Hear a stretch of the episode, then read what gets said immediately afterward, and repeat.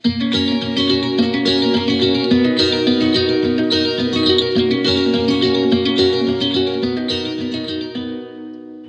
til Danske spesial, podkasten der vi ser litt nærmere på saker som vi mener fortjener ekstra oppmerksomhet.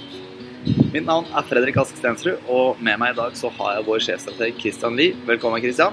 Takk for det, Fredrik. Nå sitter vi altså ute på brygga på Aker Brygge i det som jo må være tidenes norske maivær. Er helt fantastisk, rett og slett. Eh, og det her er et fint sted, syns jeg, å snakke litt mer om Italia. Det er tydelig at det skjer ting i Italia, og det er også tydelig at dette har en påvirkning på markedene. Men før vi kommer til markedene, så må jeg rett og slett spørre deg, Christian, hva er det som skjer i Italia?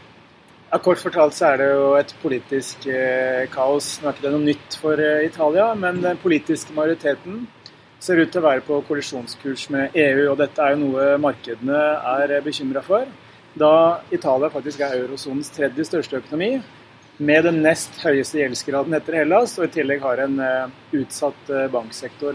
Og Det som har skjedd uh, rent konkret, ja, det er jo at vi hadde et valg i mars hvor det var uavklart. og Så fikk vi en mulighet for en populistisk regjering nå forrige uke. Men den italienske presidenten la da ned veto mot populistkoalisjonens forslag om en EU-kritisk finansminister. Og Dette førte til at Presidenten har lansert muligheten for en ny midlertidig eh, teknokratregjering, som heter. Dvs. Si at den er midlertidig. Eh, og etter dette så har situasjonen vært eh, kaotisk. Og den foreslåtte nye statsministeren, som heter Cottarelli, har ikke lykkes med å få støtte fra noen av de 15 eh, politiske partiene. Og dermed kan det ligge an til et eh, nyvalg som kan skje tidligst i slutten av eh, juli. Og Det som også setter dette i et spesielt lys, er jo at oppslutningen, spesielt rundt ligaen, altså The Northern League som heter på, på, engelsk, har økt ganske kraftig etter valget. Og meningsmålingene nå viser at femstjernersbevegelsen og ligaen til sammen har rundt 60 av oppslutningen. Og Derfor så ser finansmarkedene på en, uh, et nyvalg egentlig som en mulig folkeavstemning om videre euromedlemskap, og dette kan legge eh, nye hindre på veien mot tettere integrasjon i EU. Ja, og Hvordan har egentlig markedene reagert så langt? I dag ser det ganske hyggelig ut. Eh, de italienske statsobligasjonene stiger i verdi igjen. Oslo Børs er vel eh, litt opp, så det ser ut til å roe seg. Men gårsdagen var likevel ganske dramatisk. Hvis vi ser på den italienske tiårige statsrenten, så har den nådd mer enn dobla seg på to uker. Og rentedifferansen mot Tyskland det er ofte en sånn målestokk på hvor, eh, hvor, mye frykt er det blant investorene i forhold til den italienske kredittverdigheten. Eh, den rentedifferansen har steget til det høyeste nivået på fem eh, år. og Vi har også, eh, kursfall for italienske banker og europeiske og for så vidt også amerikanske banker utover handelsdagen. Ja, men, men Hva er det som gjør at disse bankene da faller? Når det gjelder italienske banker, så er jo de en av de største eierne av italienske statsobligasjoner. Og når disse statsobligasjonene faller i verdi, så kan man få en negativ spiral. Når bankene får tap på disse posisjonene, så kan det redusere, bankenes evne og kapasitet til å låne ut penger. Og få, si, få stimulert økonomien gjennom eh, utlån, uh, utlånsveksten.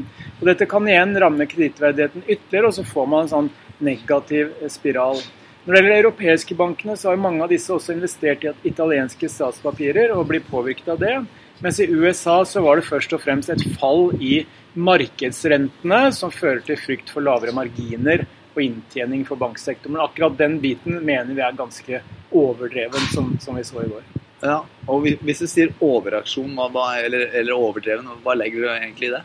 Nå, nå vet vi at finansmarkedene ofte overreagerer på skumle eh, politiske nyheter. Og Politisk kaos er jo som nevnte et velkjent fenomen, ikke minst i Italia. Eh, som nå ligger an til å få sin 65. regjering siden 1948. Med andre ord så bytter Italia eh, regjering omtrent én gang i året. Eh, litt satt på spissen. Eh, så Det er jo selvsagt bekymringer rundt en eventuell eh, exit fra euroen eller fra EU, men vi ser på dette som veldig lite sannsynlig. I hovedsak fordi det vil medføre ekstremt høye kostnader for alle involverte, parter, alle involverte parter. Og ikke minst for den italienske økonomien, og dermed for den italienske befolkningen.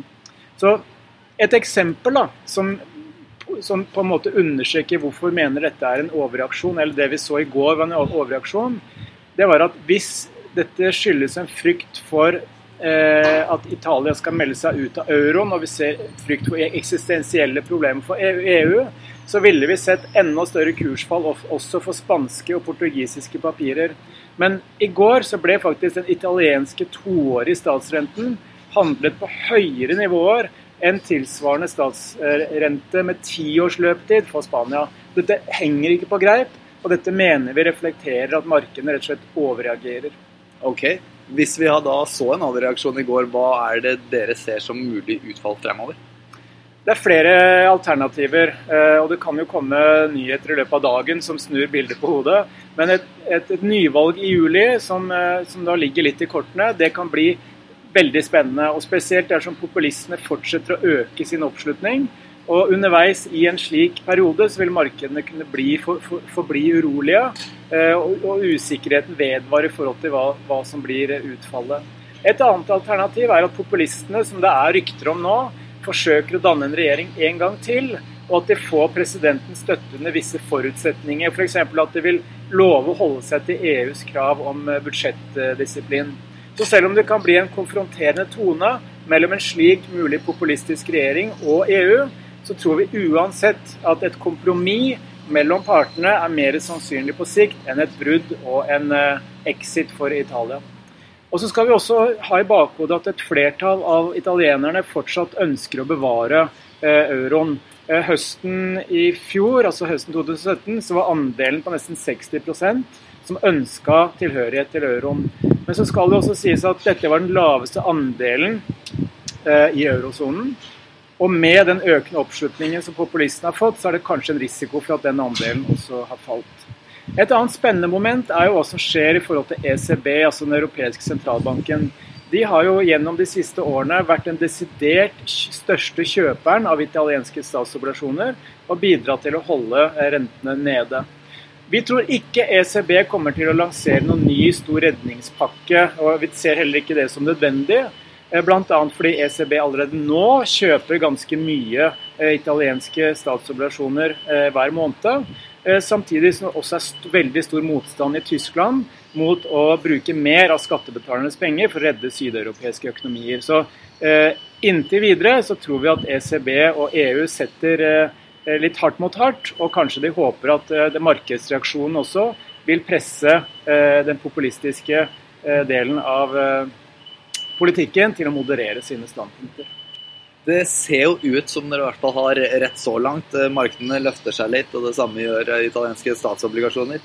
Jeg pleier jo å oppsummere disse podkastene våre, men akkurat den her tror jeg jeg skal overlate til eksperten. Og jeg vil gjerne ha det sånn at oss dødelige kan forstå det. Jeg vil ha en kort oppsummering på hva det politiske problemet er. Jeg vil ha en kort oppsummering på hvordan markedet har reagert. Og jeg vil ha en kort oppsummering på hvordan markedet kommer til å gå fremover. Ja, du er du stiller harde krav. Eh, veldig kort fortalt så er det politisk eh, usikkerhet i eh, Italia. Det er veldig stor uklarhet om eh, hvilken eh, regjering vi vil ende opp med, og hva slags forhold den regjeringen vil ha til EU. Eh, markedene reagerte veldig kraftig i går. Vi mente det var en overreaksjon. Vi ser stabilisering i dag, men vi forventer at dette kan bidra til å legge en demper på optimismen eh, på kort sikt. Og I tillegg så kommer det også stadig nye signaler fra Det hvite hus bl.a. som eh, setter denne dialogen mellom Kina og USA litt i, fare. Så dette er noe som kan legge en demper på hvor mye aksjemarkedet kan stige på kort sikt. Veldig bra, Christian. Tusen takk skal du ha. Det var alt vi hadde i Danske Spesial i, i dag. Vi høres igjen veldig snart.